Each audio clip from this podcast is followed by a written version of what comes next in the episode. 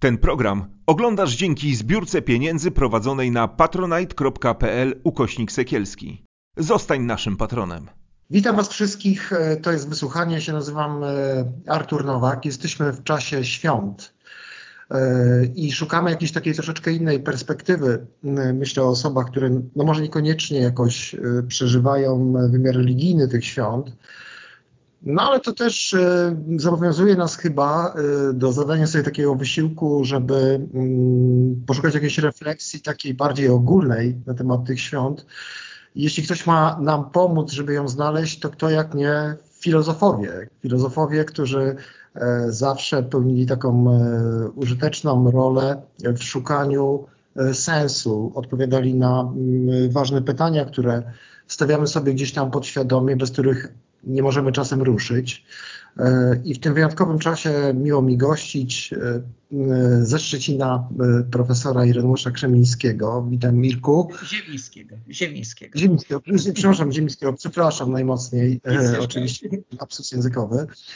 I witam też profesora Birka. Profesor Obirek wczoraj w Poznaniu, dzisiaj w Warszawie. Witam serdecznie.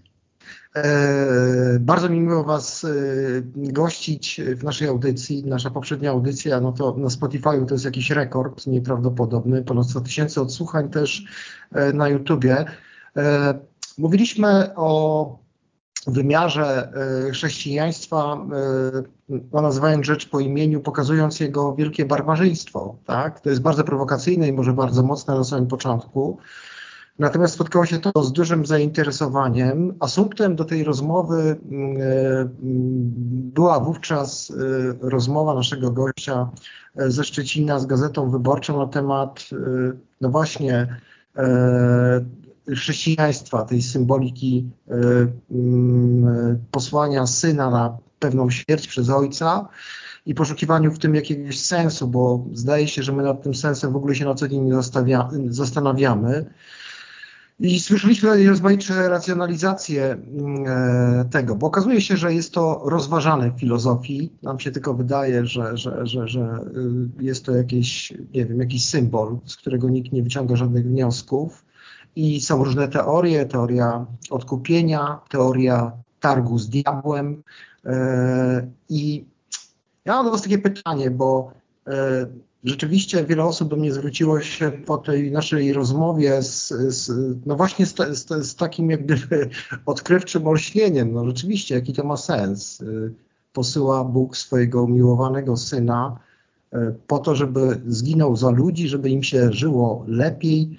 E, dlaczego my nie stawiamy sobie takich pytań na co dzień, bo to jest kluczowe chyba pytanie, jeżeli ktoś identyfikuje się z, z, systemem religii, z chrześcijaństwem, dlaczego te pytania nie są stawiane, a stawiamy sobie na przykład y, jakieś pytania w tym czasie, nawiązuje znowu do symboliki tych świąt, czy nie mamy do czynienia obecnie z nagonką na Jana Pawła II, y, bo przypomina się scena takiego sądu i to nie Jezus jest już sądzony, ale Jan Paweł II nie oskarża go co prawda y, Piłat ani Sanhedryn, ani Sanhedryn ale, ale oskarżają go, y, no nie wiem, Niemcy, lewacy y, i wchodzimy w takie imaginarium bardzo obrzędowe. Przepraszam za ten zbyt długi wstęp i już oddaję głos może najpierw do Szczecina. Dziękuję bardzo. Jeszcze raz e, witam serdecznie. E, ja muszę powiedzieć, że mam zawsze olbrzymi problem ze świętami Wielkiej Nocy, właśnie e, ze względów moralnych. Y, z tego powodu, że to jest jednak y, święto, które przypomina ofiarę i to ofiarę właściwie absolutnie bezgraniczną. Już nie chcę wracać do tego, o czym mówiliśmy poprzednio i co Arturze przypomniałeś o różnych próbach y, usensownienia, usensownienia ofiary Jezusa. Natomiast problem, myślę, który tutaj się przedstawia jest taki, jakie my chcemy wyprowadzić z tego konsekwencje również dla naszego życia religijnego, y, czy dla naszego życia moralnego. Ja nie mam y, wątpliwości, że również Kościół katolicki w nie tylko w Polsce, ma z tym problem. Jak y, prześledzi się na przykład listy y, episkopatu, czy prześledzi się homilie y, mówiące o, o Wielkiej Nocy, o misterium krzyża, to właściwie znika ta już idea ofiary Jezusa, czy to złożonej Ojcu, czy ludziom, to w tym momencie zostawmy, a staje się w centrum problemem, czy my zmartwychwstaniemy z grzechu, czy my się narodzimy na nowo. Ja myślę, że ta, ten mit Wielkiej Nocy od pewnego momentu w chrześcijaństwie, właśnie z uwagi na kwestię trudnej akceptacji krzyża, stał się takim symbolem naszego życia moralnego, czy My y, możemy jeszcze liczyć na to, że z grzechu, y, z tej, y, ze śmierci, która ma być grzechem czy buntem przeciwko Bogu, potrafimy powstać. Stąd mnie się wydaje, że również Kościół katolicki jakoś od symboliki tych świąt odchodzi, od historii, która się w tych y, świętach ujawnia. Natomiast ja nie mam wątpliwości, może jeszcze do tego y, w czasie tej rozmowy wrócimy, że y, trzeba patrzeć na chrześcijańskie święta Wielkiej Nocy w kontekście jednak Paschy żydowskiej i w kontekście Biblii i Starego Testamentu.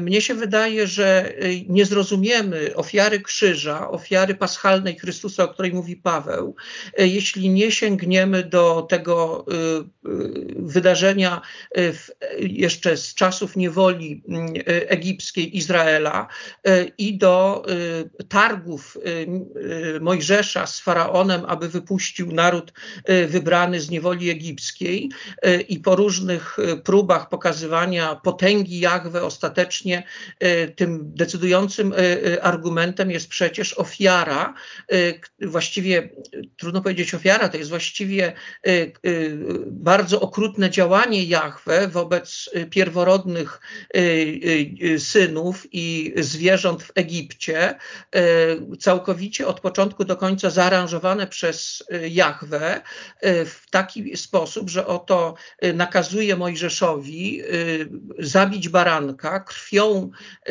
posmarować odrzwia i progi drzwi Izraelitów, bo kiedy przyjdzie nocą, to te domy właśnie, w których będzie krew baranka zostaną ocalone.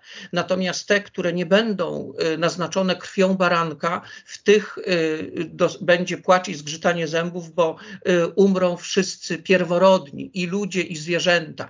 No i oczywiście następnego dnia jest potężne larum w Egipcie, bo się okazuje, że Jahwe swoją przepowiednię spełnił, a Izrael zostaje ocalony, ocala go krew baranka i odtąd Jahwe ustanawia święto Paschy, tak, które potem w Izraelu Izraelu jest obchodzony przez siedem, w diasporze przez osiem dni, na pamiątkę właśnie tego cudownego ocalenia z egipskiej niewoli. Ale to jest cudowne ocalenie y, poprzez krew baranka, która y, ocala Izraelitów, ale jednak poprzez okrutne zadanie śmierci y, tym, którzy są uznani za wrogów Jahwe. I teraz, jeśli popatrzymy na chrześcijaństwo jako spadkobiercę tej idei, to jednak ta idea baranka, krwawej ofiary y, w judaizmie traktowanej jako ofiara przebłagalna czy ofiara dziękczynna, a w chrześcijaństwie jako ofiara za grzech, to mamy do czynienia jednak z y, czymś, co moralnie trudno zaakceptować. Dlatego potem przekształcamy tego baranka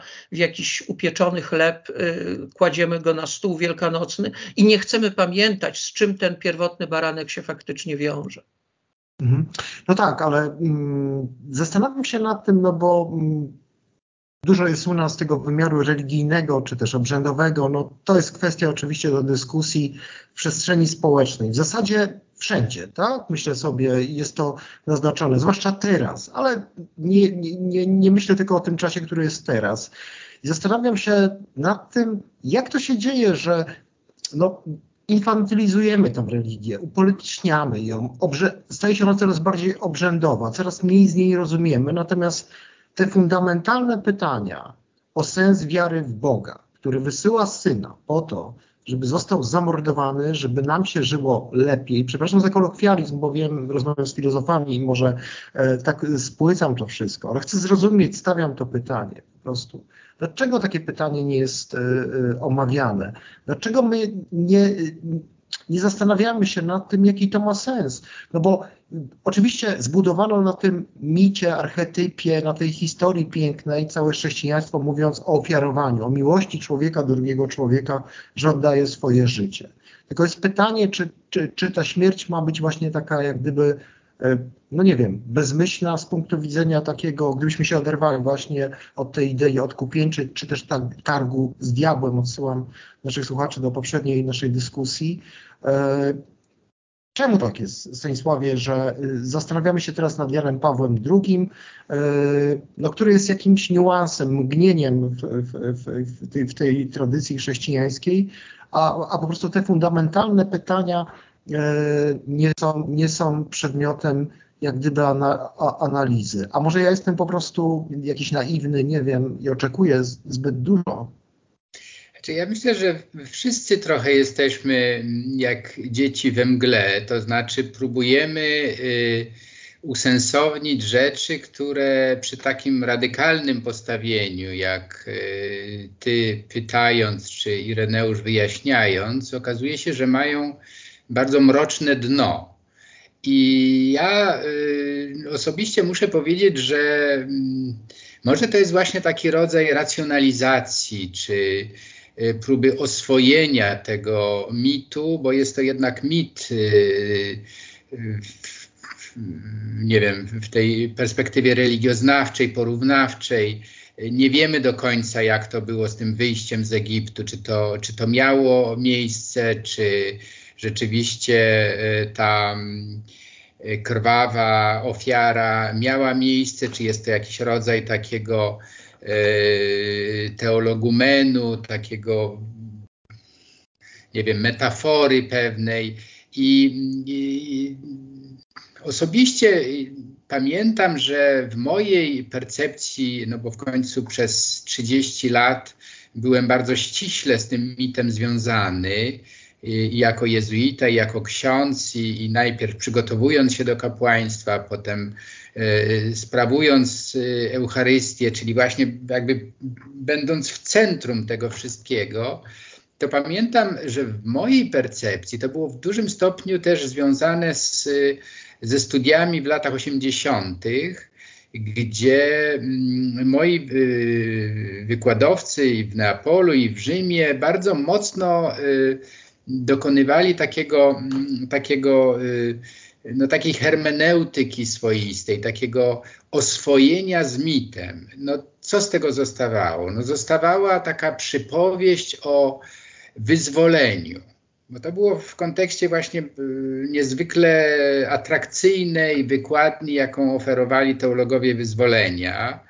Y, zwłaszcza w Ameryce Południowej, ale przecież inspirowani byli przez Europejczyków, przez Meca i, i, i wielu innych, gdzie to była właśnie ta metafora, już nie, nie, nie było tej, tej krwawej ofiary, właśnie za, no, zabójstwa, morderstwa pierworodnych y, synów i, i, i zwierzę, zwierząt, ale to było właśnie wyzwolenie, czyli z, tego, z tej paschy została księga wyjścia i to triumfalne wyjście e, ze stanu niewoli do wyzwolenia i my możemy to samo powtórzyć niejako. Czyli to była, to, to była jedna z form oswojenia tego, tego mitu, który, co dla mnie jest zaskakujące, e, przez e, Jana Pawła II, człowieka, który bardzo mocno był zaangażowany w podobną przecież wykładnię tego mitu Polsce, popierając Solidarność, bardzo kibicując y, Wałęsie i in, innym, jednocześnie tam tego nie akceptował. I dla mnie to jest zastanawiające, jak można w tym samym czasie yy, stosować te wykładnie do kraju, z którego wyszedł y, Wojtyła, a jednocześnie absolutnie yy, zakazując blokując ten rodzaj wykładni w innym kontekście. I, I, ja też się zgadzam, że ten pontyfikat i, i, w ogóle ta cała, ten moment jakby wykładni, jaką proponował e, Karol Wojtyła razem z Józefem Ratzingerem, to jest pewien epizod, ale on jest tak mocno związany z naszą właśnie teraz świętami w Polsce, że właściwie nie można o nich mówić y, y, w oderwaniu od, od Wojtyły, co jest pewnym paradoksem, bo to był człowiek, który, który wyraźnie sobie nie radził z, ze świętami. Wyraźnie skoncentrował się na tym chyba mrocznym jednak aspekcie y, Wielkanocy, no bo poniekąd został papieżem, bo kilka lat wcześniej zaproponował taką wykładnię znak, któremu sprzeciwiać się będą. To był tytuł jego rekolekcji, które wygłaszał Watykanie dla Pawła VI i to jakoś zaistniał jako właśnie taki radykalny myśliciel, który bardzo na serio bierze chrześcijaństwo. I to, co mu zostało, to chyba właśnie przede wszystkim ten znak sprzeciwu. A więc z tej, tego paradygmatu Y, który też jest interpretacją, ale jednak atrakcyjną, można powiedzieć, y, wyzwolenia, y, zmagania się z różnymi formami, no, z, z, nie wiem, zniewoleń, u, uciążliwości związanej z systemami politycznymi. Dla Wojtyły został tylko ten radykalizm teologiczny, bardzo dla mnie wątpliwy dzisiaj. I, i to jest też ten kontekst wielkanocny, co można z tymi mitami robić, to znaczy je jakby wpisywać w moją własną y, wizję na przykład chrześcijaństwa, czy wizję, no jeżeli ktoś jest papieżem, to z siłą rzeczy ma, ma tę możliwość narzucenia innym swojej wykładni i ten ciężar właśnie znaku, któremu sprzeciwiać się będą, to tym znakiem sprzeciwu już nie jest Jezus, jakby Jezus jest nieistotny, ani Jego krzyż, więc już też o tym zapominamy, tylko jest istotna pewna wykładnia, jaką proponuje Wojtyła i tych, którzy, ci, którzy jej nie podzielają, to są właśnie tymi, którzy, którzy jakby atakują Boga. I to jest dla mnie interesujące. Jak, jak się dokonują tego rodzaju nałożenia sensów, że, że człowiek, dlatego tylko, że pełni jakąś ważną funkcję, y, no, dokonuje świadomie czy nieświadomie takiego przesunięcia znaczeń i, i wszystko do siebie odnosi. To jest coś, co, co jest bardzo zaskakujące i być może to też tłumaczy tę histerię, jaka w tej chwili nam towarzyszy od, od, od miesiąca czy dłużej, że nagle i politycy, i hierarchowie, i publicyści no, uważają za, senso, za, za, za stosowne napiętnować tych wszystkich tacy jak my, mędrków, którzy próbują to zrozumieć, że to jest właśnie kalanie swego gniazda, że to jest zamach na naszą narodową tożsamość. No, są to bardzo przedziwne, myślowe yy, łamigłówki, yy, które jakoś no, mają związek z Wielkanocą, bo to jest właśnie jakiś, jakiś, jakiś moment mityczny, z którym każdy robi to, co chce i, i, i chce narzucić innym. I także to, co ja proponuję, to, to takie właśnie krytyczny namysł i dekonstrukcja tego wszystkiego, co nas tak no, zniewala, paraliżuje, uniemożliwia myślenie.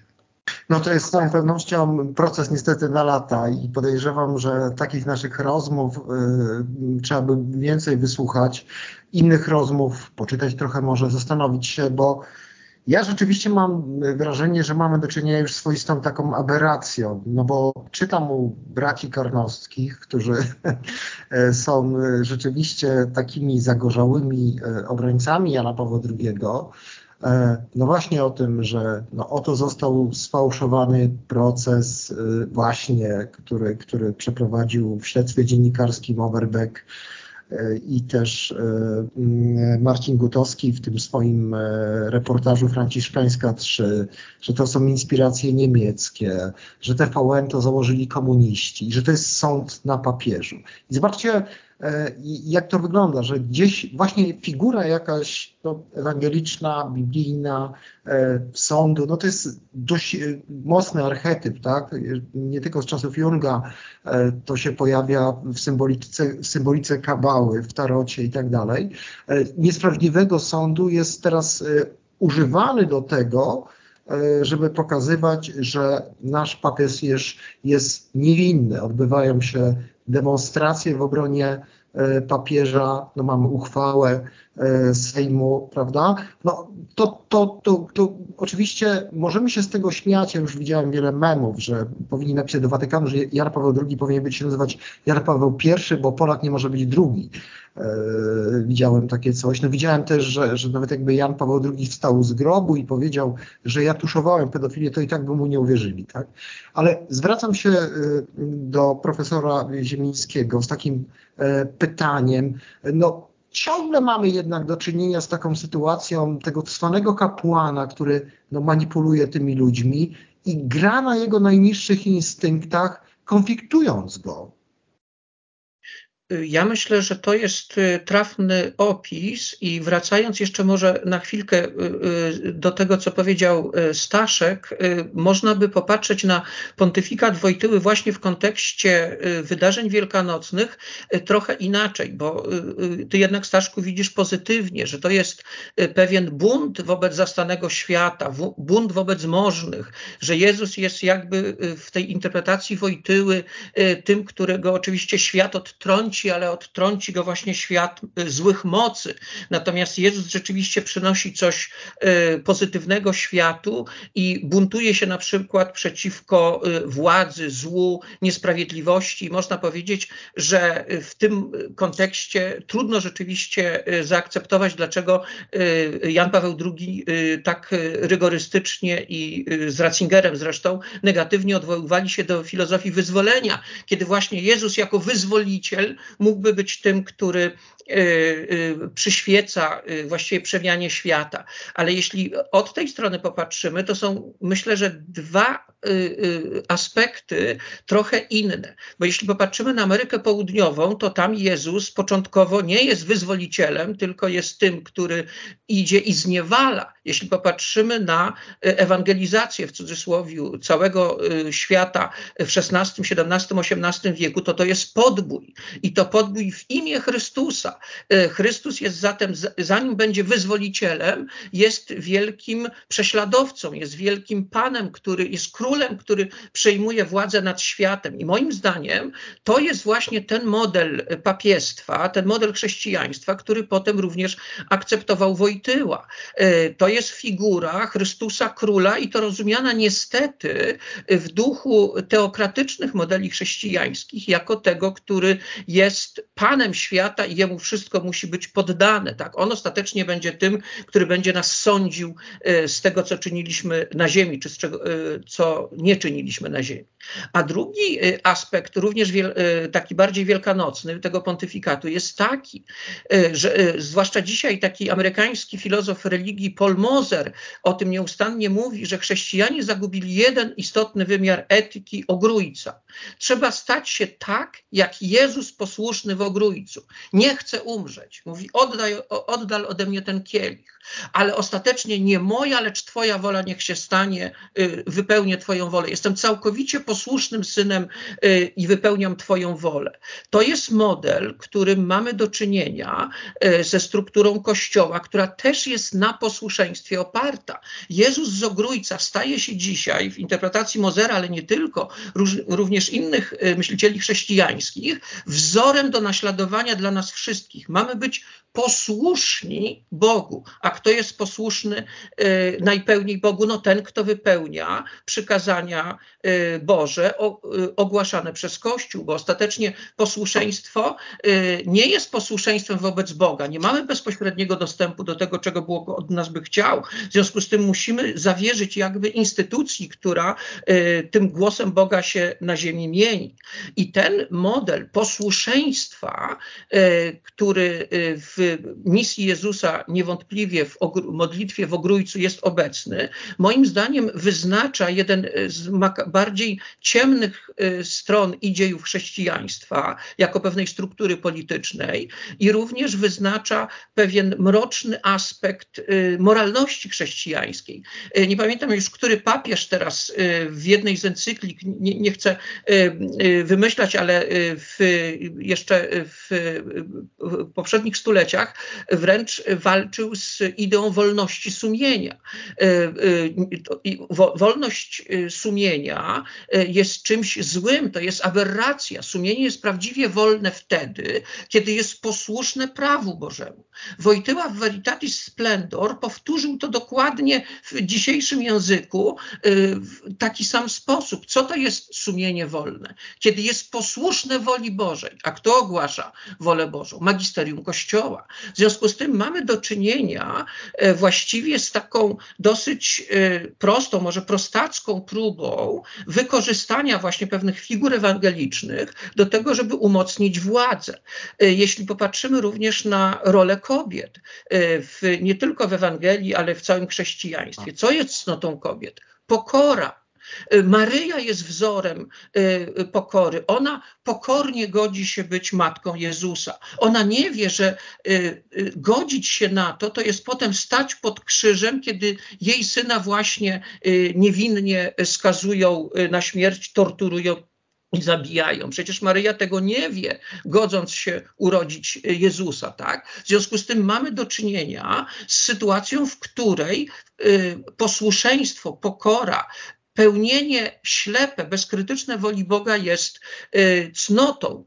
Y, zresztą w Kościele, to tutaj znowu Staszek y, mógłby na ten temat powiedzieć więcej, też przecież co to jest prawdziwa wolność zakonnika? No to jest posłuszeństwo pewnemu zobowiązaniu, które na siebie wzięliśmy w postaci ślubu, tak, posłuszeństwa.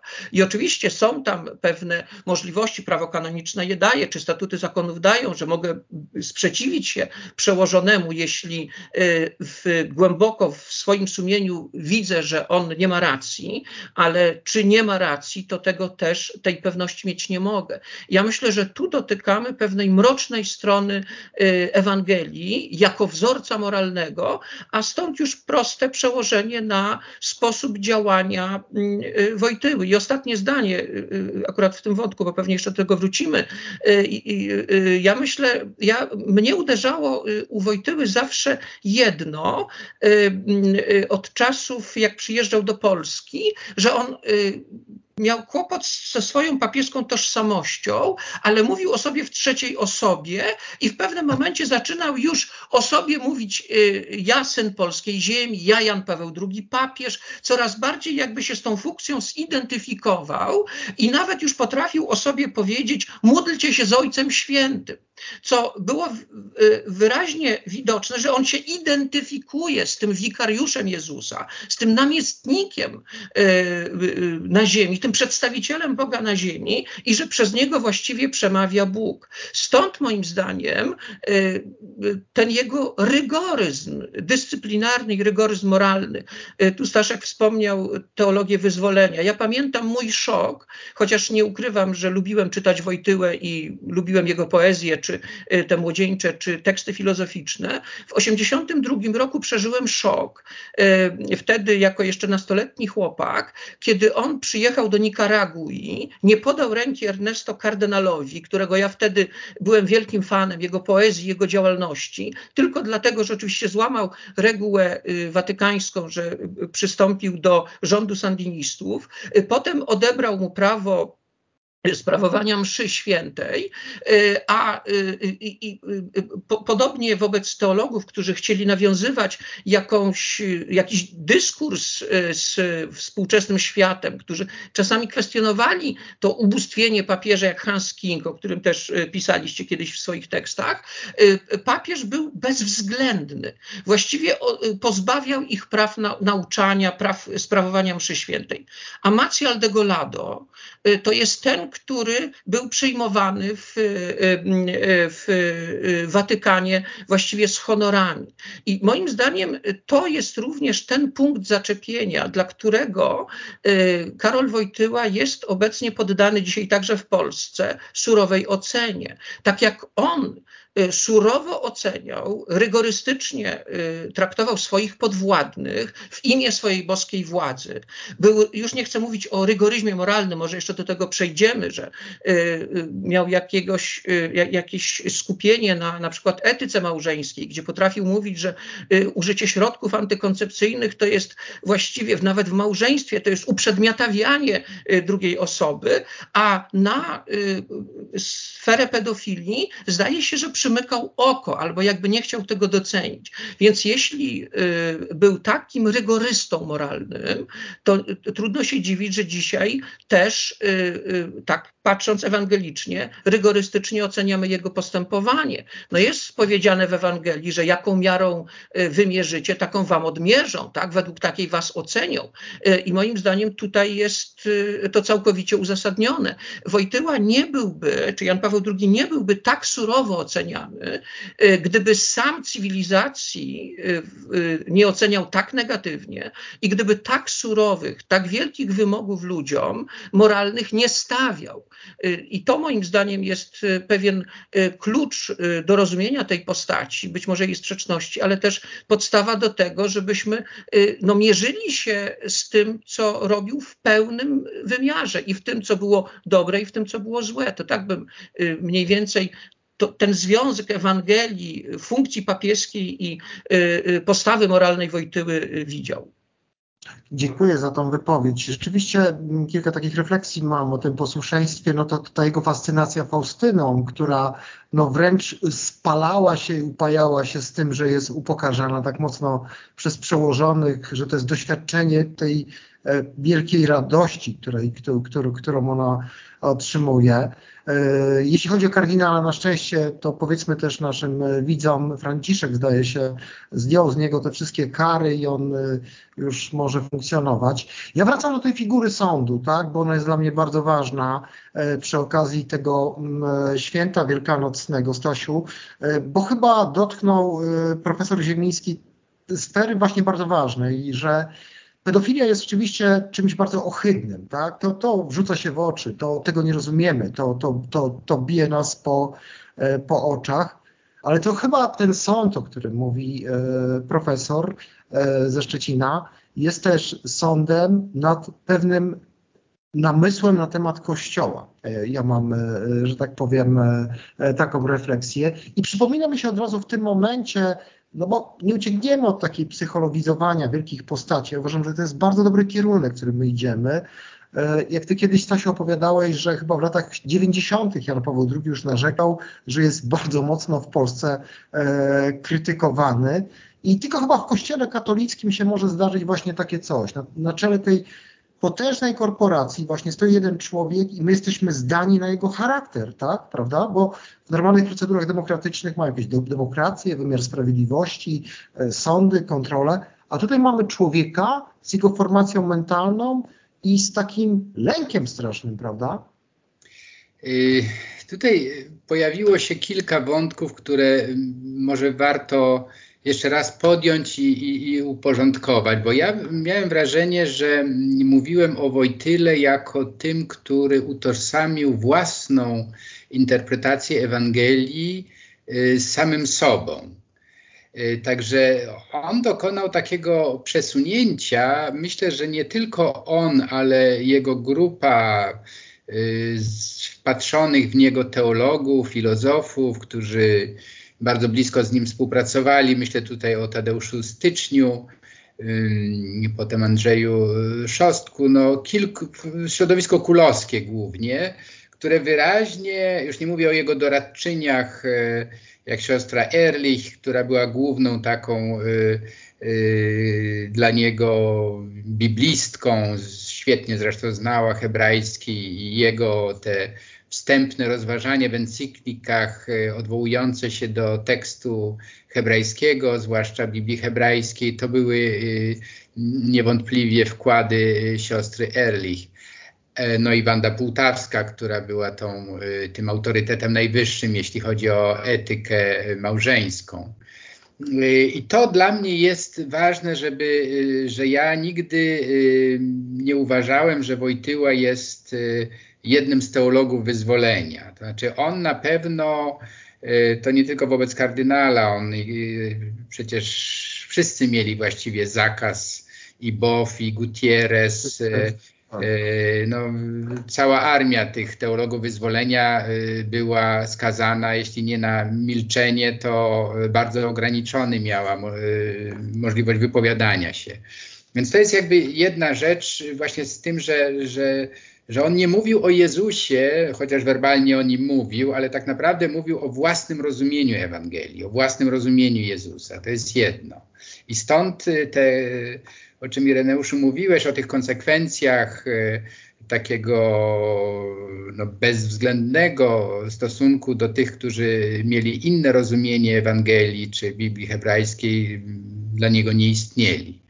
No to jest jedna rzecz. Natomiast y, y, wydaje mi się, że ten, y, no bo warto jednak się odnieść do tego, co się dzieje w, w, przestrzeni medialnej w tej chwili w Polsce. Myślę, że ten bardzo mocno narzucił ten, te wykładnie sądu nad Janem Pawłem biskup Jędraszewski on pierwszy dostarczył, jak zresztą w wielu innych sprawach, zauważcie, że on ma taki talent y, rzucania słów, które się stają słowami skrzydlatymi. Ta y, y, zaraza tęczowa przecież potem była odma, od, od, od, odmieniana przez wszystkie możliwe przypadki. Ale pierwszy on rzucił tę możliwość homofobicznej interpretacji właściwie LGBT, gender i tak. On jest Polsce traktowany jako ten właśnie mistrz wykładni y, teologicznej y, kontrowersyjnych tematów. No i w momencie, kiedy mm, zresztą to się działo w czasie y, mszy, w czasie homilii na bliskiej memu sercu uczelni Ignacjanum w Krakowie, gdzie on właśnie dostarczył tej amunicji karnkowskim i innym, mówiąc, że to jest sąd nad Piłatem. Potem to jeszcze Y, czy, czy Piłat osądza Jezusa, fałszywie oczywiście. Potem jeszcze do, dookreślił to w innych y, kontekstach, mówiąc o tym, że to są metody stalinowskie. I to w moim przekonaniu to jest rodzaj moralnej niegodziwości. Bo z czym my mamy tutaj do czynienia? I to odwołuje się do absolutnie wiernego syna Kościoła, księdza Tadeusza mm, e, Isakowicza Zaleskiego, który publikując swoją książkę Księża wobec bezpieki w 2007 roku miał wtedy za e, biskupa Dziwisza. Dziwisz najpierw mu zakazywał y, zajmowania się tym tematem, a potem jak już widział, że się nie da, y, to prosił Tadeusza, y, żeby najbardziej drażliwe tematy wygumkował, pominął. I co mówi dzisiaj Tadeusz Isakowicz-Zaleski? Mówi, że gdyby wtedy nie było tej, tego betonu, tego oporu y, biskupa Dziwisza i innych, to nie byłoby problemu. Mówi, te wszystkie tematy, o których mówi dzisiaj i Marcin Gutowski, i Eke Overbeck, mówi, ja to miałem w mojej książce. Y, te moralne dylematy, y, no, nadużycia, przestępstwa, czyli pedofilia, przestępstwa tych trzech i wielu innych jeszcze księży. Więc to jest, yy, i z czym mamy do czynienia? Mówi to ksiądz, który się tym zajmował, zna doskonale yy, materiały IPN-owskie i kilkanaście lat później ci sami duchowni, którzy wtedy zabronili jednemu z swoich księży zajmowania się tą sprawą, używają zakłamań mówiąc dziennikarzom, którzy w trudnych warunkach, bez dostępu do archiwów kościelnych, ustalają rzeczy, które ksiądz y, Tadeusz y, Isakowicz-Zaleski ustalił kilkanaście lat wcześniej. I mówią właśnie o sądzie, mówią o metodach stalinowskich. Więc to jest y, perfidia, ja tego nie potrafię zrozumieć. Jest cała armia usłużnych dworskich dziennikarzy, publikujących w, w Rzeczpospolitej, już nie mówię w tych wszystkich prawicowych y, y, periodykach usłużnych wobec władzy i kościoła. Właściwie dokonują linczu na Bogu winnych dziennikarza, których, którzy spełniają swoją dziennikarską powinność dochodząc do prawdy. I mnie się wydaje, że tutaj jest bardzo istotna sprawa. Rozmawiamy w kontekście e, Wielkanocy. Więc ten mit jakby odrodzenia, wiosna, budzi się przyroda, wydawałoby się jest szansa na nowe życie. I tutaj mamy zorkiestrowany atak polityczno-religijny na tych kilku śmiałków, którzy próbują dochodzić prawdy, obiektywnej prawdy.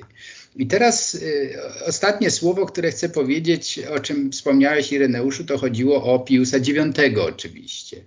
O, o ulubionego y, y, papieża y, Jana Pawła II. Przecież y, Pius IX to był ten y, papież, który został powitany jako papież liberał w 1946 roku bodajże. Potem przyszła wiosna ludów, która była dla niego szokiem, i zwłaszcza y, Zjednoczona Italia i y, pozbawienie państwa kościelnego papiestwa. I ten y, liberalny na początku Pius IX staje się jednym z najbardziej konserwatywnych integrystów, który zabrania używać sumienia, właśnie mówić, że wolność prasy, wolność sumienia to jest, to jest grzech, to jest perfidia, z tym trzeba walczyć. I on wprowadza do kościoła cały system donosów, to są te właśnie antymodernistyczne jakieś próby kontrolowania sumień, no i przede wszystkim ten niefortunny, nieszczęsny dogmat o nieomylności papieskiej, czyli mm, Sobór Watykański I i, i dogmat, który on wymusił na, na, na Y, biskupach. Y, jezuici usłużnie wtedy oczywiście mu służyli argumentami, ale taki Newman i inni po prostu wyjechali z, z Rzymu, żeby nie brać w tym, y, przed, w tym cyrku udziału.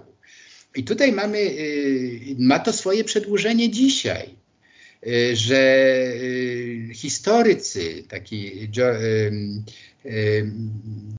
historyk, y, który zajmował się Piusem IX, napisał cztery tomy na, na, jego temat. Na pytanie, czy on był święty, krótko odpowiedział nie. I co robi Wojtyła? Odsuwa y, tego historyka od procesu beatyfikacyjnego, żeby nie było przeszkody, y, żeby nie było właśnie tego adwokata diabła, tylko są znowu usłużni historycy, którzy znakomicie doprowadzają do końca i mamy beatyfikację i kanonizację Piusa IX. Więc to jest nieprawdopodobna e, manipulacja, to co nasi prawicowcy bardzo lubią, politykę historyczną. Kościół jest mistrzem w tym właśnie.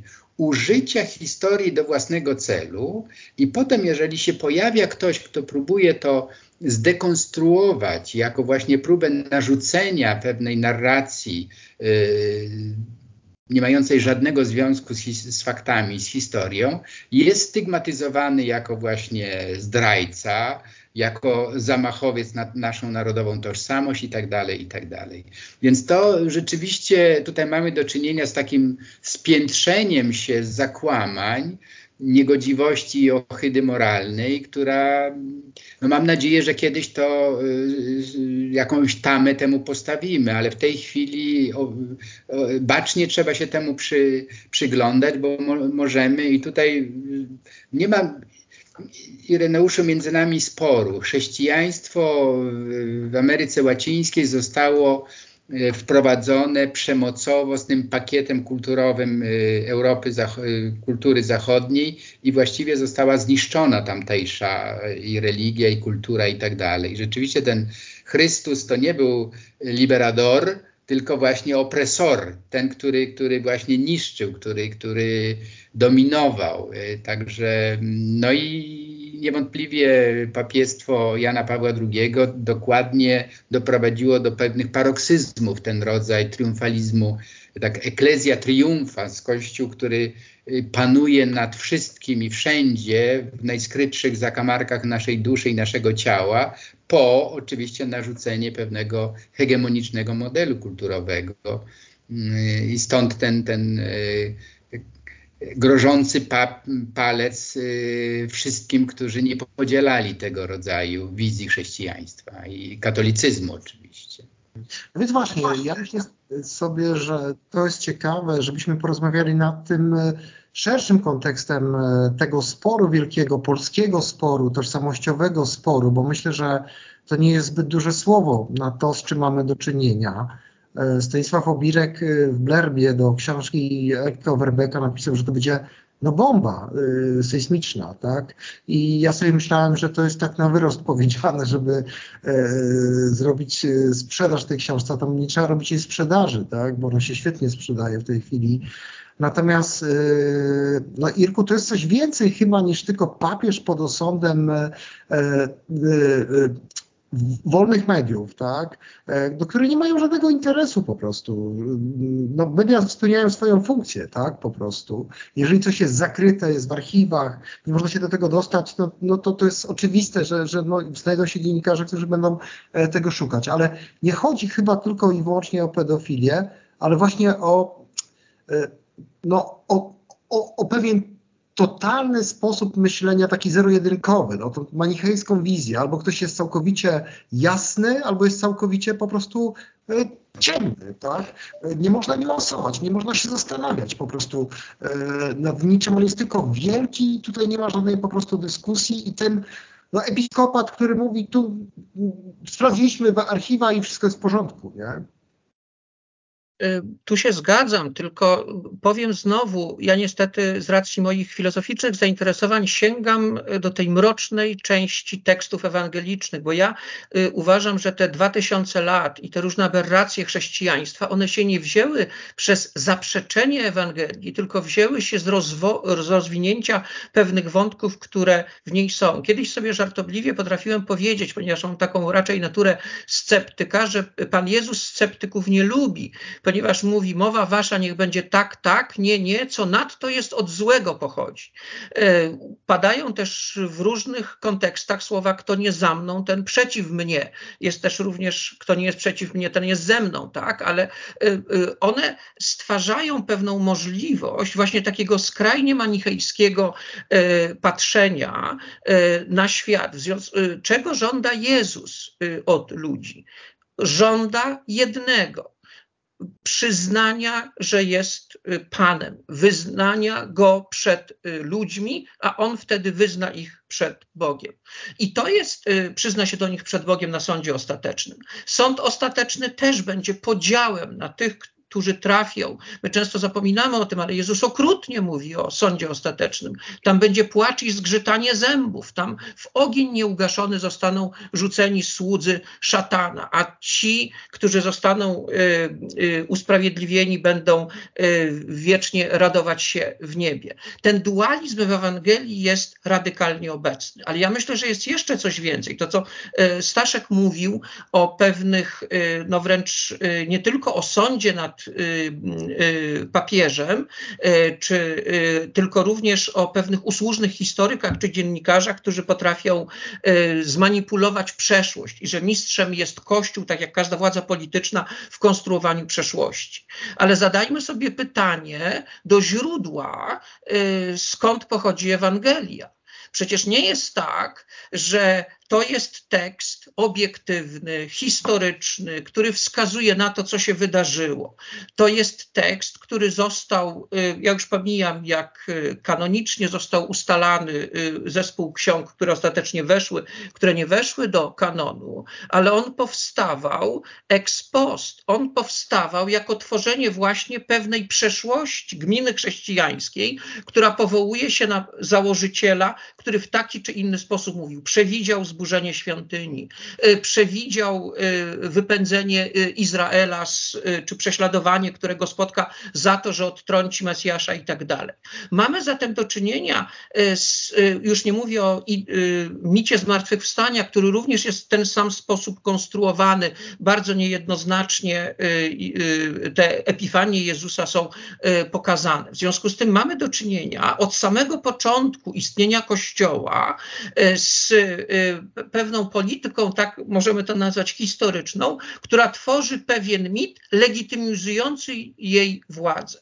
I y, druga rzecz, pierwotne chrześcijaństwo nie było bynajmniej chrześcijaństwem miłujących się ludzi. My tak często lubimy powtarzać za Tertulianem, patrzcie jak oni się miłują. Otóż piąty rozdział dziejów apostolskich jasno pokazuje, że to była totalitarna organizacja. Y, małżeństwo Ananiasza i Safiry, które nie y, ukryło część majątku, y, nie oddało go gminie apostołom, okłamało ich, mówiąc, że oddało cały majątek, pada trupem. Tak? Najpierw mąż, potem żona i na wszystkich pada groza, a Piotr każe wynieść ich ciała i pogrzebać. Przecież to jest, albo, no jeśli wierzyć autorowi dziejów apostolskich, Bóg ich ukarał śmiercią, wobec tego jest okrutny, ale myślę, że interpretacja jest prostsza. W pierwotnych gminach chrześcijańskich stosowano karę śmierci, czyli wcale Kościół pierwotny nie odróżniał się od, tego, y, od tej wspólnoty, z której wyrósł, czy to y, wspólnoty żydowskiej, czy wspólnoty rzymskiej. I teraz mamy dalsze dzieje chrześcijaństwa, które umacnia się w taki czy inny sposób polityczny. W związku z tym, y, moim zdaniem, właśnie to, co Artur trafnie powiedział, jeśli ma być jakiś osąd, nie sąd nad, tylko osąd działania Jana Pawła II, to moim zdaniem to jest osąd systemu, którego on również jest efektem i który niestety wzmacniał. W związku z tym ja bym jednak zawsze próbował widzieć to w kontekście dziejowym, tak? w kontekście rozwoju chrześcijaństwa jako pewnego totalnego właśnie projektu zawłaszczenia życia. To, co mówiłeś Arturze, Staszek też o tym napomknął. Czym jest właściwie projekt chrześcijański? Projekt chrześcijański, zwłaszcza w kościele katolickim, w kościele rzymskim doszło to już do jakiejś naprawdę wyjątkowej postaci, chce zawłaszczyć życiem ludzkim w każdym momencie tego życia. Jeśli właściwie od poczęcia, nawet jeszcze przed poczęciem, bo jeśli rodzice nie mogą, starają się o dziecko, a nie mogą, nie może żona zajść w ciążę, to modlą się, żeby łaski wyprosić o poczęcie. Potem od momentu poczęcia mamy już kogoś, kto, kto ma pełnię praw, potem jest chrzest, pierwsza komunia, bierzmowanie, urodzi, rocznicę ślubu, pogrzeb, a potem wieczność. I właściwie nie ma momentu, który byłby wyzwolony z owej władzy Kościoła nad człowiekiem. To jest moim zdaniem ten przemocowy element instytucji Kościoła nad ludźmi i to jest ten element, który również w no, dramatyczny sposób wyszedł w nauczaniu Wojtyły. On w adhortacjach apostolskich na przykład przecież powtarzał nieustannie w tej na przykład adhortacji poświęconej rodzinom chrześcijańskim, że jedno z najwie- że ci, którzy rozwiedli się i wstąpili w nowy związek małżeński już niesakramentalny, absolutnie nie mogą przystąpić do komunii. I teraz wydaje się, że mamy do czynienia z pewnym czy no, pewną zasadą moralną, powiedzmy, czy zasadą dyscyplinarną w Kościele.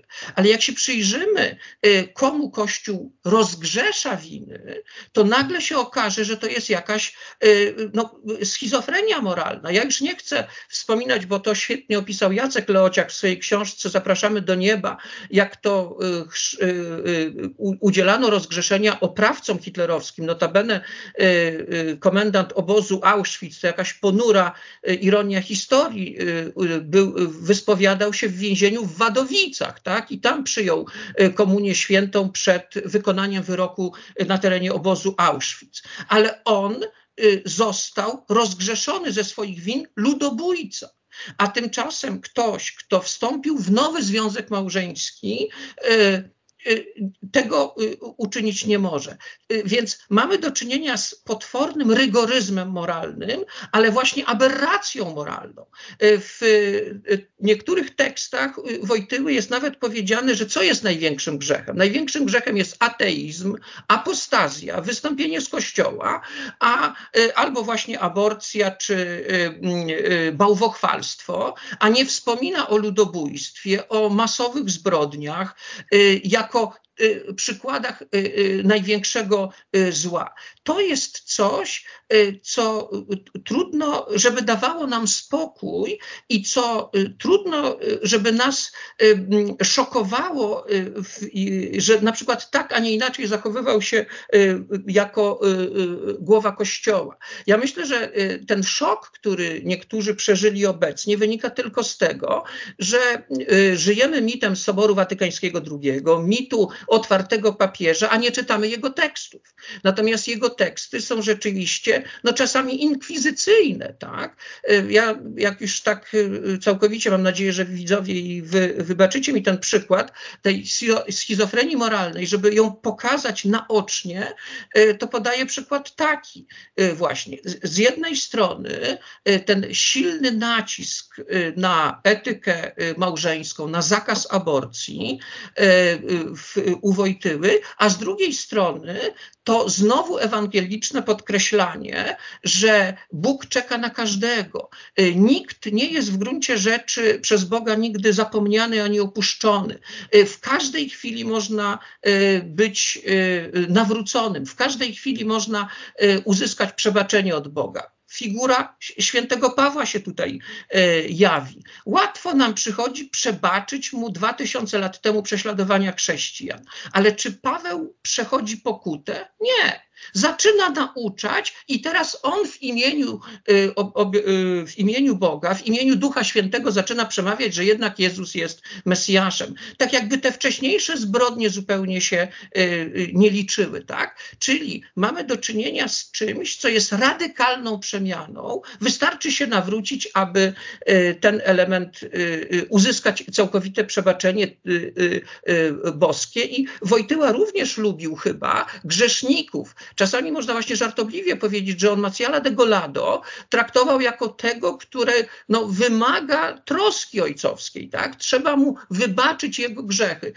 W niebie zresztą też będzie większa radość z jednego nawróconego niż z 99, którzy nawrócenia nie potrzebują. Moim zdaniem to jest źródłowy w etyce chrześcijańskiej, w ewangelicznej etyce y, y, źródłowa aporia, źródłowy dylemat y, i który teraz próbujemy przełożyć na E, e, zachowania, e, na nasze doświadczenie, na zachowania konkretne i nagle się okazuje, że on nie tylko nie jest realizowalny, ale on jest po prostu z gruntu zły.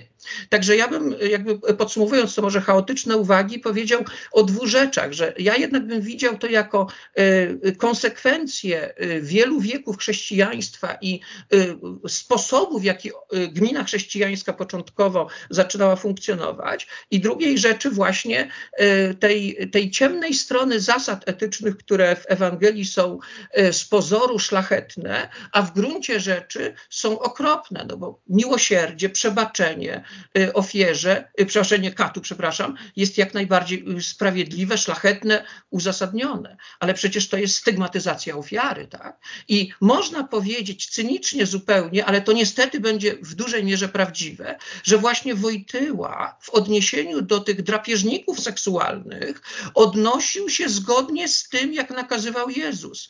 Y, grzesznikowi trzeba wiele wybaczyć. Grzesznikowi będzie wiele wybaczone, jemu wiele, wobec tego również on będzie wdzięczny y, Bogu za y, przebaczenie. To właśnie ten syn marnotrawny jest ważniejszy niż ten, który wiernie do tej pory ojcu służył. Jednak jest w praktyce Kościoła, i to z nauki Jezusa wynika, bardziej zajęcie się grzesznikiem, próba nawrócenia go na dobre życie, zbawienia go pomimo jego okropnego zła, niż troska o tych, którzy właśnie zbawienia nie potrzebują. Paweł w listach, jak patrzymy, nie ma jakiejś szczególnej winy, nie ma szczególnych wyrzutów sumienia, że on tych chrześcijan prześladował. Jest taki zresztą tekst Fulgencjusza z Ruspę, którym on pokazuje, że Szczepan ukamienowany, pierwszy męczennik chrześcijański ukamienowany przez Pawła, nie ma pretensji do Pawła. Obaj teraz są w niebie i chwalą Chrystusa. Tak? I to moim zdaniem to jest pewna właśnie karykatura y, etyki y, y, chrześcijańskiej. Takiej. No a Wojtyła mówię, niestety do niej się ją w ten sposób również, również głosił. W tym strasznym rygoryzmie, no chociażby w odniesieniu do, mówię, etyki małżeńskiej. Ja już kiedyś tak dosyć mówię, nie wiem czy żartobliwie, czy cynicznie, potrafiłem, pozwoliłem sobie powiedzieć tak, że właściwie w lepszej sytuacji z punktu widzenia zbawienia, z punktu widzenia nauki Kościoła jest mąż, który zabił żonę i wstąpił w nowy związek małżeński, bo za zabójstwo może uzyskać rozgrzeszenie i będzie przystępował do komunii. A ten, który się tylko rozwiódł i wstąpił w nowy związek małżeński, nie uzyska rozgrzeszenia. E, w tej adhortacji, którą wcześniej przytoczyłem, Wojtyła wyraźnie zakazuje udzielać takim e, ludziom rozgrzeszenia i komunii, no chyba, że już stoją całkowicie nad grobem, prawdopodobnie y, to jest już ostatni dzień czy ostatnie godziny ich życia, to wtedy w drodze wyjątku można y, przed sądem ostatecznym im y, winy rozgrzeszyć. I w moim odczuciu to jest katastrofa, że tak powiem, nie tylko Wojtyły, katastrofa nie tylko Kościoła, ale to jest źródłowy dramat, który się bierze z etyki ewangelicznej.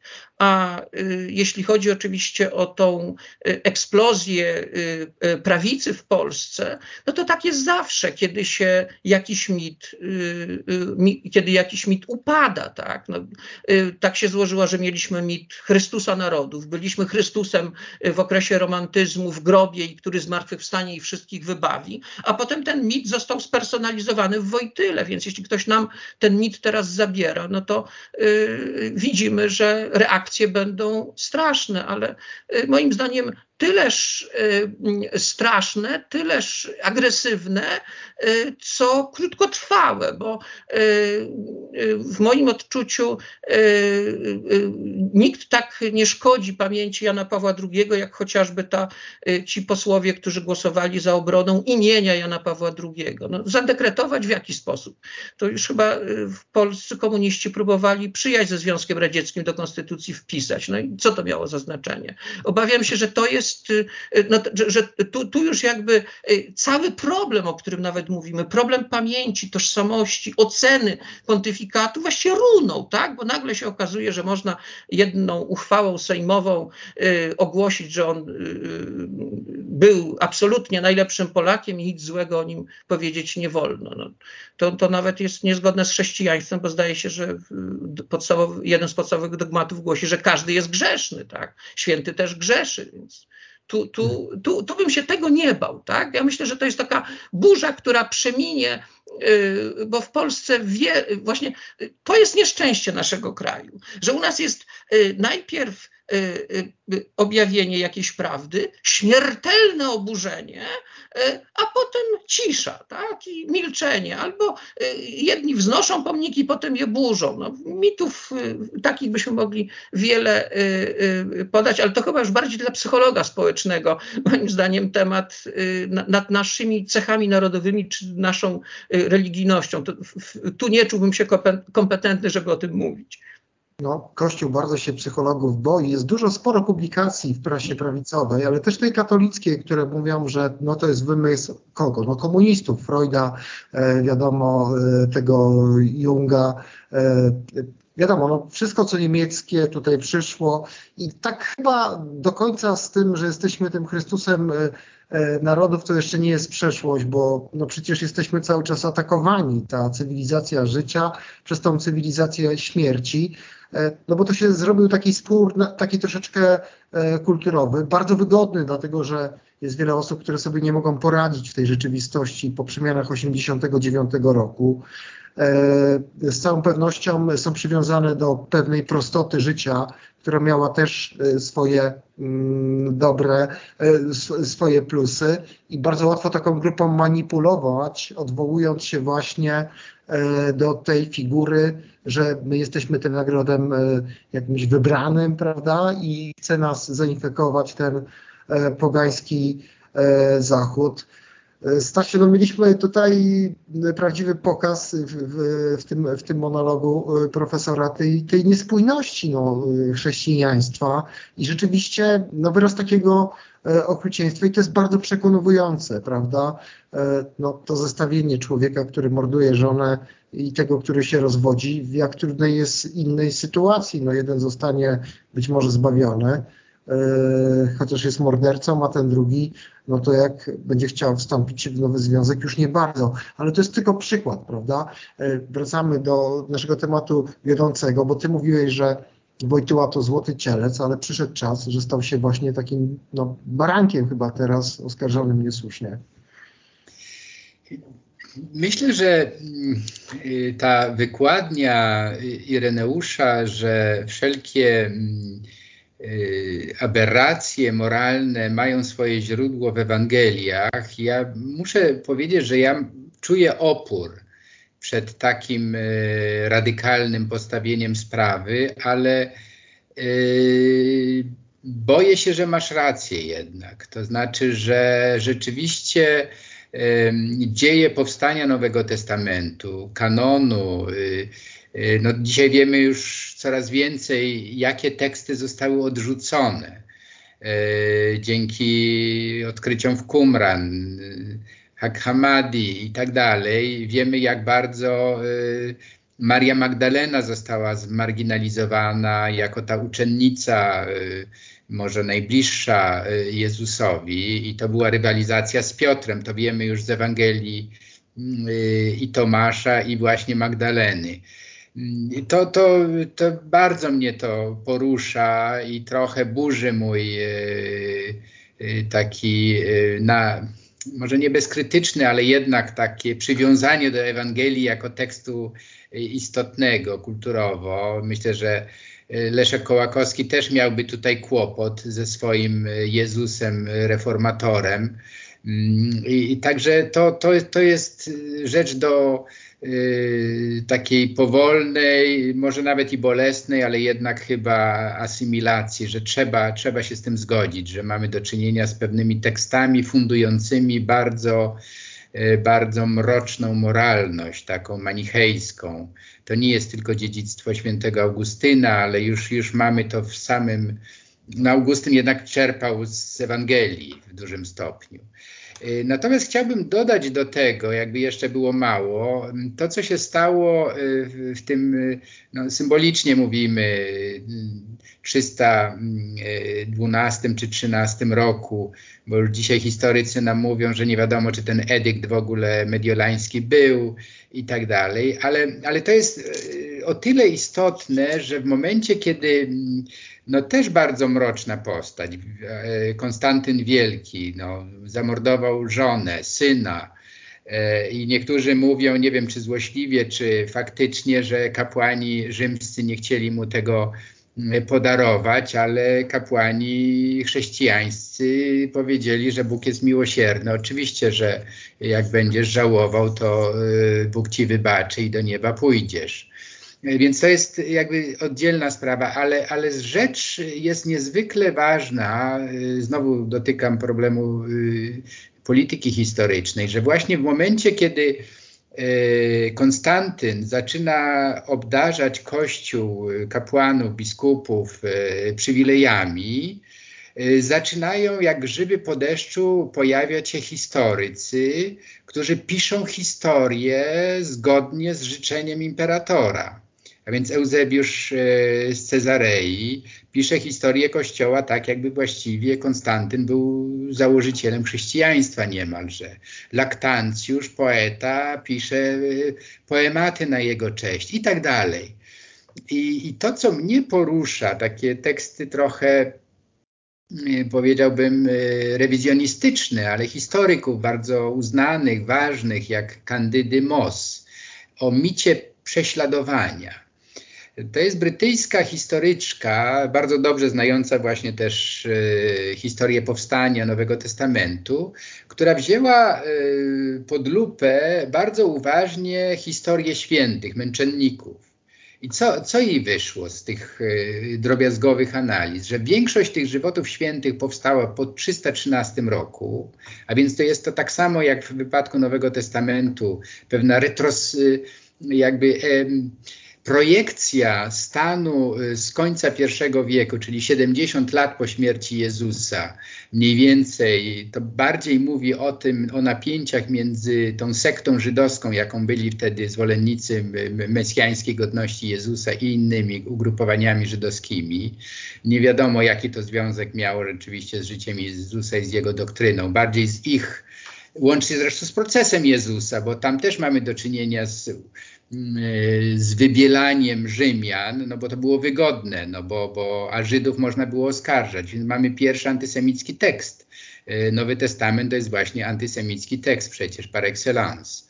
No ale przede wszystkim ten mit y, prześladowania na czym polega? Że, że ci dziejopis, ci, ci historycy właśnie, spece od polityki historycznej tworzyli te żywoty w oparciu o matryce literackie wzięte z literatury greckiej, rzymskiej, a nawet z literatury żydowskiej.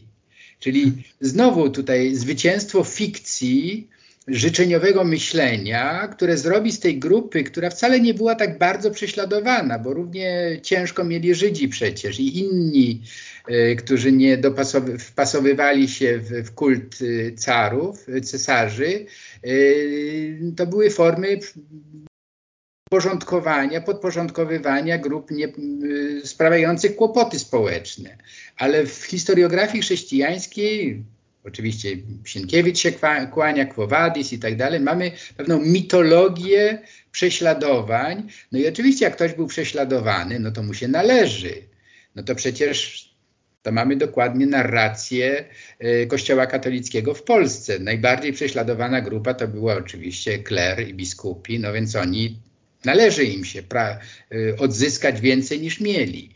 Więc to jest wszystko się powtarza ta historia i to jest właściwie może taka mm, w pewnym sensie może i pocieszająca. Tutaj skłaniam się też do sceptycyzmu, że być może te wybuchy erupcji, jakieś, te, jakieś erupcje tej, tego przywiązania do papieża, do, do tożsamości katolickiej, to jest, należy raczej złożyć na karp no, takich Mm, jakby to powiedzieć, y, dworskich y, dziennikarzy, polityków, którzy wiedzą, gdzie są konfitury. No dzisiaj dobrze w Polsce być y, za pan brat z proboszczem, z biskupem, no i z naszym polskim papieżem oczywiście.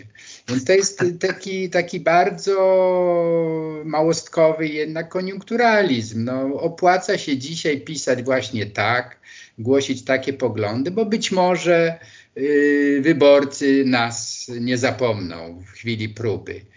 Ale też bym się skłaniał do tego, że jest to tak intensywne, że chyba to jest taki płomienny zapał i chyba do października tego paliwa e, Jana Pawłowego nie wystarczy, a być może to się obróci przeciwko tym posłom z fotografiami, bo to się okaże, okaże że to wielki humbug był, wielka jakieś, jakaś e, chucpa polityczno-religijna, nie mająca żadnego związku z rzeczywistością. I, I, I, tego się trzymajmy, to znaczy trzeba być tutaj twardo, trzymać się faktów. No, nawet jeżeli te interpretacje czasami idą wbrew naszym przyzwyczajeniom, no to trzeba, trzeba rewidować swoje poglądy. No ja tutaj zgłaszam akces do rewizji yy, poglądów. Mhm. No tak, rzeczywiście mało się o tym mówi w polskiej takiej przestrzeni debaty e, publicznej. Zdaje się Piotr Augustyniak chyba jako ostatnio, jako jeden z niewielu mówił na temat e, tego, na ile Ewangelia jest e, wierna temu, co się wydarzyło e, tak naprawdę.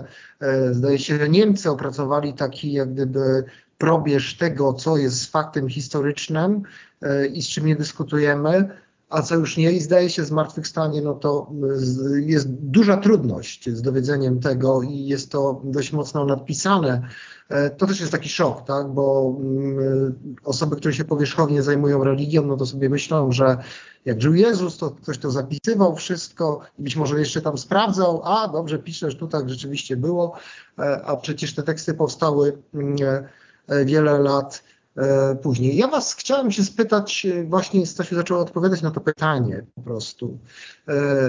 To jest już pytanie takiej natury bardziej nie wiem, jak je zakwalifikować, tożsamościowe, tak? bo niewątpliwie to, z czym mamy do czynienia w tej chwili, kiedy Dotychczas papieża pokazywano Jana Pawła II jako osoby gdzieś z boku. Tak? No był problem pedofilii, był problem przemocy, nadużyć na tle homoseksualnych. No i zawsze jedna i druga strona tego Jana Pawła II sobie brała. To znaczy ci jego przeciwnicy mówili tak, on jest ojcem chrzestnym w ogóle tego całego układu, tej całej mafii e, i tak dalej. E, Obrońcy mówili tak, ale Jan Paweł II się sprzeciwiał, on tutaj dbał o to, żeby nie dochodziło do tych nadużyć. Znaczy, no, no, są takie próby przynajmniej. Natomiast mamy w tym momencie Jana Pawła II, no, który jest y, konfrontowany z jakąś rzeczywistością. No, tutaj nie można go tak jakoś rozgrywać. I to jest pytanie takie do Was. E, czy my nie powinniśmy trochę jednak Polaków usprawiedliwić, właśnie osób starszych, dlatego że ja nie wiem, no ale tak na prosty mój chłopski e, rozum. Ciężko ludziom, którzy e, no, mieli na co dzień ten obrazek tego Jana Pawła II w domu, e, który tam im tą wolność przywrócił, tak? który jest jak taka piękna pieśń o, nie wiem, naszej młodości, o naszej martyrologii, naszym heroizmie, jest tym wielkim Polakiem, bardzo ciężko będzie zaakceptować y, pewne fakty i ja często powołuję e, taki przykład właśnie z referatem Chruszczowa, że wiele osób jak usłyszało ten referat, to się nie mogło z nim głęboko pogodzić, że, że, że nasz ten wielki ojciec narodu był zdolny do takich rzeczy. Ja oczywiście nie chcę Jana Pawła II ze Stalinem tu zestawiać, bo to absolutnie jest nadużycie. Ja tylko mówię o pewnym mechanizmie pewnej trudności, Irku. Widzisz też to? Ja może nie byłbym aż tak e, łagodny wobec tych, którzy nie chcą sobie, e, e, nie chcą przyjąć do wiadomości tego, co właściwie, powiedzmy sobie szczerze, nie w kontekście może w takim zakresie w Polsce i w zakresie pedofilii, ale w pewnych działaniach administracyjnych Kościoła na Zachodzie było od dawna. Wojtyła nie był papieżem hołubionym w prasie niemieckiej, w prasie francuskiej, w prasie austriackiej, Często jego nominacje biskupie właśnie wywoływały potężny sprzeciw i y, nie było, y, pamiętam moje kontakty z moją rodziną z Niemiec, y, która często przyjeżdżając mówiła do nas, do Polaków, znaczy oni też byli wcześniej Polakami, ale potem wyjechali do Niemiec, mówią wasz papież, a u nas to o waszym papieżu mówią tak, a tak. I oni mieli, że tak powiem, zupełny dystans do tego, co, postęp, co czyni Wojtyła. Potem zresztą tak samo mieli dystans do Ratzingera mimo iż był y, y, papieżem z Niemiec. Ja myślę, że to jest pewna infantylność y, naszego narodu, naszych cech narodowych, że my nie potrafimy krytycznie, z dystansem patrzeć y, na y, to, co się nagle zdarzyło, co było, jest dla nas szokiem, ktoś z nas osiąga sukces. To można pokazać niestety na przykładzie gwiazd sportowych.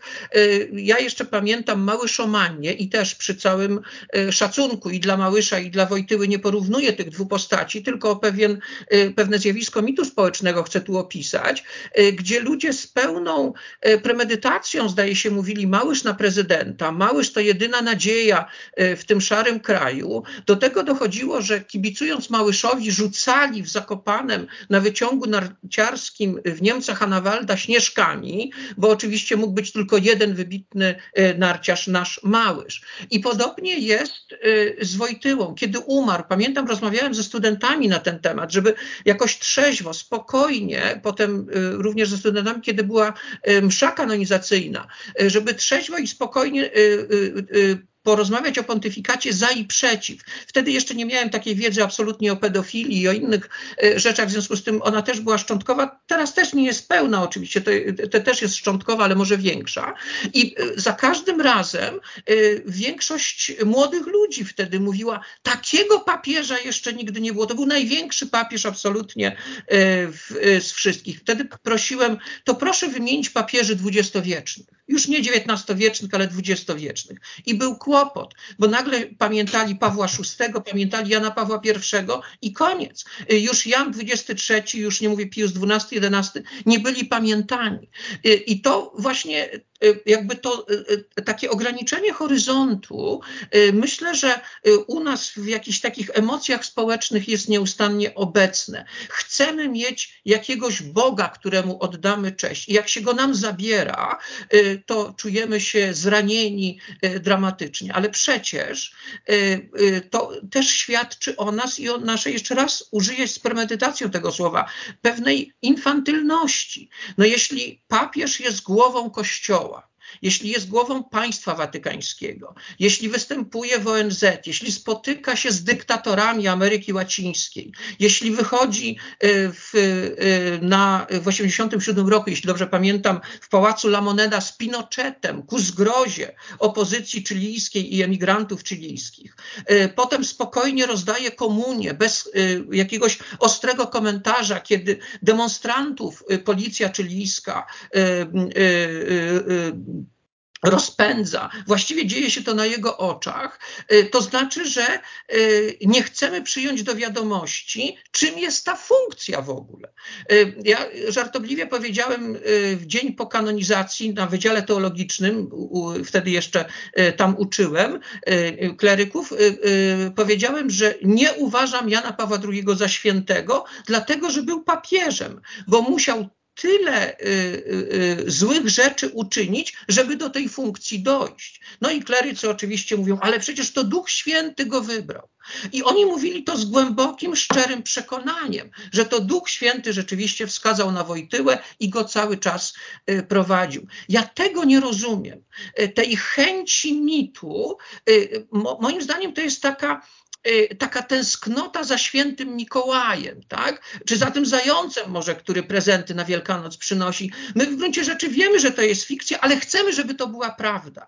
I ja to y, rozumiem, y, ale nie usprawiedliwiam, dlatego że sam dokładnie, to się przyznałem w poprzedniej rozmowie, miałem taki dysonans poznawczy, kiedy czytałem w waszych publikacjach między innymi o ciemnej stronie życia Matki Teresy i też chciałem, żebyście nie mieli racji Chciałem, żeby jednak ten pomnik Matki Teresy, że chociaż ktoś w tym świecie pozostał święty, nietykalny, y, y, do, no, do którego, któremu nie można zarzucić, że uczynił coś złego. Ale świat taki nie jest. I ja, ja, myślę, że na tym y, polega problem, że my chcieliśmy widzieć Wojtyłę z gestów, z brania dzieci na ręce, całowania ich, y, wypowiadania się w poetyckim słowie po naszej stronie przeciwko władzy komunistycznej. Chcieliśmy widzieć go właśnie jakiego takiego sympatycznego dziadka, który mówi o kremówkach, jak żartownisia, który potrafi coś do, po góralsku powiedzieć. No taki swój człowiek, tak? Byśmy powiedzieli, tak, no nie wywyższa się w żaden sposób, no to on nie może nic złego robić. A przecież to jest teatr. Tak jak politycy występują i to jest teatr, a przecież gdybyśmy zobaczyli y, ich od od środka ich y, negocjacje, to byśmy uciekli stamtąd y, prawdziwie czym prędzej, bo nagle by się okazało, że y, świat jest odwrotnością tego, co widzimy. To nie jest tak, że się witają, dziękują, całują, do, obiecują dozgonną przyjaźń, tylko doskonale wiemy, że to jest walka na śmierć i życie. Instytucja Kościoła jest dokładnie taka sama, a śmiem nawet twierdzić, że instytucja Kościoła jest w pewnej mierze bardziej zdemoralizowana, z tego powodu nie tylko, że trwa już y, y, y, bardzo długo, 2000 lat, ale musi dostosowywać się do różnych ustrojów politycznych. I to, co y, będzie, y, to, to, co y, można powiedzieć, jakich oczekiwań Kościół może mieć w Polsce, to nie będzie miał ich w Rosji, tak? Nie będzie miał ich w, w Urugwaju, czy w Argentynie, czy w Nikaragui. To jest problem.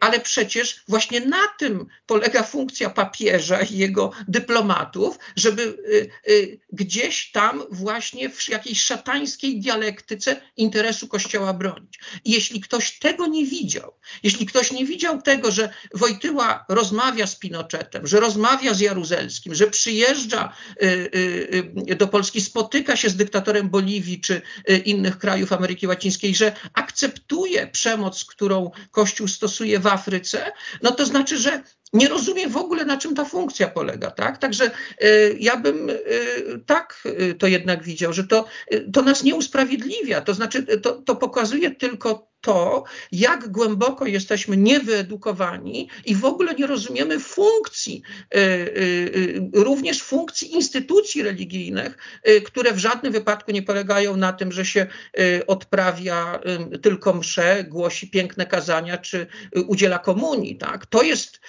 to właśnie, co wydawałoby się dla wielu ludzi powinno być istotą y, chrześcijaństwa, ale czy istotą Kościoła, ale doskonale wiemy, że to jest tylko zewnętrzna fasada i zewnętrzny teatr. Y, by, y, taką, już kończę, żeby znowu to nie był jakiś przesadnie długi monolog, taką formą usprawiedliwienia Wojtyły w moim prywatnym e, e, postrzeganiu go jest e, to, że on widział siebie nie tylko jako aktora, jak ostatnio się o nim mówi, ale jako duszpasterza właśnie i że być może nawet była to jakaś forma ucieczki od y, tej administracyjnej, potwornej, y, no, szatańskiej pracy w Watykanie. Nie, żeby nie wiedział, co się tam dzieje, ale że może chciał od tego uciec w kierunku ludzi i tam szukać jakiegoś aplauzu, a że aplauzu szukał, to chyba nikt z nas też wątpliwości nie ma. No i teraz, jeśli ta gwiazda przyblakła, no to trudno się dziwić, że zeszła ze sceny, że widownia jest sama i wołał bis, tak. No, no nie można, a jakby jeszcze, a właściwie czuje się, że ktoś jej te, te, tę gwiazdę kala. To to rozumiem, tylko myślę, że y, to jest jakaś Niedoś, jakiś, jakaś niedojrzałość naszego, nas wszystkich, naszego społeczeństwa w myśleniu o tym, czym jest w ogóle Kościół jako instytucja. No tak, no z tą edukacją to podpisujemy się pod tym. Ja myślę, że, że Kościół ma ze swojego punktu widzenia teraz wybitnego ministra, który się tą edukacją e, zajmuje, o takiego im właśnie chodzi. Nie? No bo e, rzeczywiście ten progres i ta dynamika tego niuansowania nie tylko pontyfikatu Jana Pawła II, ale pytań, które zadajemy dalej o sens chrześcijaństwa, tak? o, o, o, o to, co, to chrześcijaństwo tam nam niesie, no bo tak jesteśmy przyzwyczajeni do takiej gładkiej formy, że miłość, ofiarowanie i tak dalej, ale jak właśnie się przyjrzeć by e, temu głębiej, to się okazuje, że też e, okrucieństwo straszne, tak? o którym e, mówiliśmy, to rzeczywiście tak jest i potrzeba zachowania tego autorytetu jest bardzo silna. E, ja mogę teraz powiedzieć, że mm, po publikacji Babilonu, kryminalnej historii Kościoła, no to za Teresę bardzo mocno dostaliśmy po głowie, no, ze wszystkich niemal stron, tak? E, a, a najciekawsze jest to, że powstają nowe filmy, które ja już widziałem na temat Teresy i to po prostu e, ręce opadają. To, co my opisaliśmy, no to jest jakiś tam light po prostu, jeśli chodzi o to, jak ta kobieta funkcjonowała po prostu i jak ona pojmowała e, to miłosierdzie, jaką to było fasadą e, e, stworzenie tego po, po prostu pomnika. Ty Stasiu znajdujesz usprawiedliwienie dla, dla ludzi, którzy no tak hołubią cały czas Wojtyłę. Może trochę naiwne to pytanie, ale uważam, że nie ma złych pytań, trzeba je zadawać. Już długo rozmawiamy, więc myślę, że y, nie wyczerpiemy tematu, co nie jest niczym złym. Po prostu tak. y, taka jest natura rzeczy, że y, praktycznie każda rozmowa rozpoczyna nowy namysł, ale ja może przywołam, Arturze, pamiętasz jak John O'Malley wysłał nam e, tak. ostatni swój mail pod koniec sierpnia. Okazało się, że to była. Ja przypomnę może, że to jeden z największych historyków kościoła, jezuita, który odszedł e, w, w, w tym roku. E, no, osoba, która, która no chyba nie ma większego autorytetu, jeśli chodzi o historię Kościoła, prawda, papiestwa. Autor wielu książek i, i myśmy bardzo chcieli, żebyśmy, żeby y, John z nami taką rozmowę y, odbył. Wtedy się okazało, że, że dowiedział się, że jest chory terminalnie i już nie będzie tej rozmowy. Natomiast wysłał nam y, taki e-mail krótki, Mówi, że słusznie o mnie mówiono, że uważam pontyfikat Jana Pawła II za najgorszy w historii chrześcijaństwa. Ja przyznam się, znając książki krytyczne y, o Maleja, o jego, zwłaszcza ten tryptyk taki o ostatnich soborach, Trydencie, Watykanum y, Primum Secundum, byłem trochę zaskoczony, ale y, teraz słuchając Ireneusza i trochę tak myśląc o naszej rozmowie, myślę, że, że w tym była jakaś diagnoza tego, co się stało między 78 rokiem a 2005.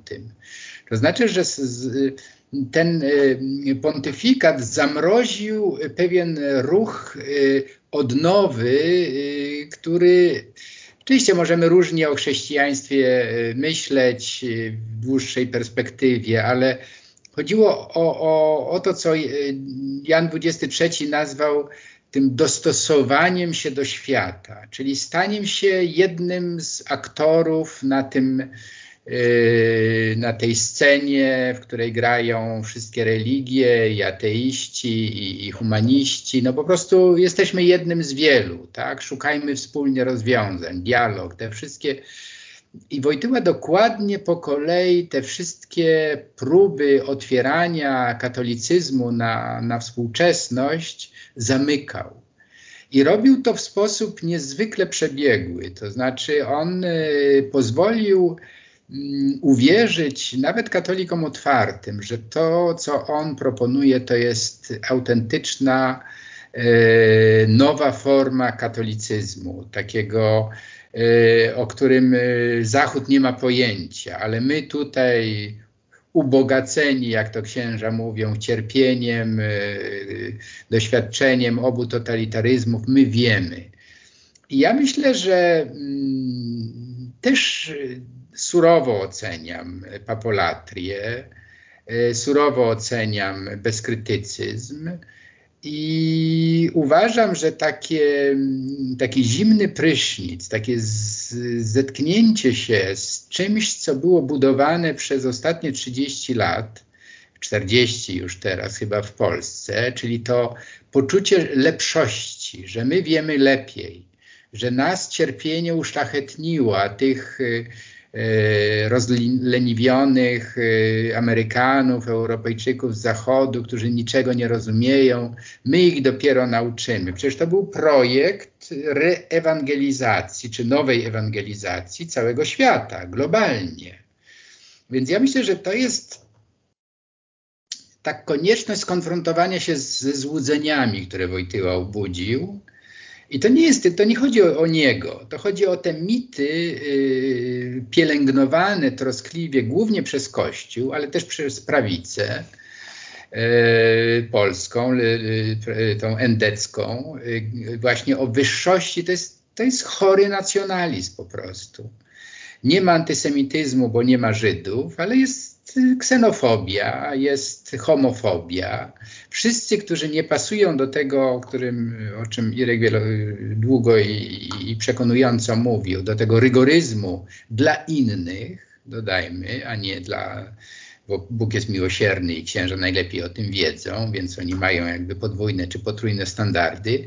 I to swoją, y, swoim autorytetem y, Wojtyła to y, podlewał usprawiedliwiał, legitymizował. Już nie chcę się rozwijać, jakie to są konsekwencje. Wystarczy spojrzeć na, na polski episkopat, to, to mamy ilustrację tego, tych konsekwencji, tego poczucia wyższości z jednej strony, a też potwornych kompleksów poczucia mm. właściwie niższości, niechęci rozumienia tego, co, się, co, co, co ludzie do mnie mówią, bo to jest tylko zawsze jednostronny przekaz. Więc w tym sensie nie, nie, nie mam współczucia. Nie mam współczucia. Uważam, że dobrze, że ta debata się toczy, dobrze, że rozmawiamy kwaśno, surowo, yy, z czasem wisielczym humorem w okresie wielkanocnym. No bo to jest jedyna droga, żeby, żeby się obudzić. To, o czym Kant mówił pod koniec XVIII wieku. Tak. Y, brak oświecenia to jest zawiniona niedojrzałość. Mhm. Oświecony człowiek to jest ten, który ośmiela się wiedzieć, sapere aude. ośmiel się, uwierz faktom, nie uciekaj, nie, nie, nie, nie stosuj strusiej y, polityki. A to co, to, co się dzieje w tej chwili, to jest właśnie to. I politycy, i, i większość mediów, no już nie mówię o biskupach, właśnie to robią. Uciekają od własnej y, dojrzałości i ją, y, pielęgnują niedojrzałość, infantylizm. I wobec tego my jako nauczyciele, myślę, powinniśmy być surowi. Nie, nie, nie, można usprawiedliwiać zawinionej niedojrzałości, no bo wtedy to stracimy rację bytu. No, myślę sobie, że, że temu też służyły te nasze rekolekcje tutaj wielkanocne, że z tego imaginarium e, tej Wielkanocy e, wypłynęliśmy na tą heretycką głębię, E, żeby szukać jakichś odpowiedzi, żeby taki głęboki połów jakichś refleksji, które tam zostaną był. Przedwczoraj czytałem e, takie o takim badaniu, które pokazuje, że tylko 24% młodych ludzi poniżej 30, 34 e, mm, roku życia ma jakieś tam praktyki religijne. Pamiętajmy o tym, że za 5-10 lat ten establishment redaktorów naczelnych, gazet, portali internetowych, e, posłów, e, polityków, myślę, że będzie kształtowany właśnie przez e, to pokolenie, więc jest nadzieja.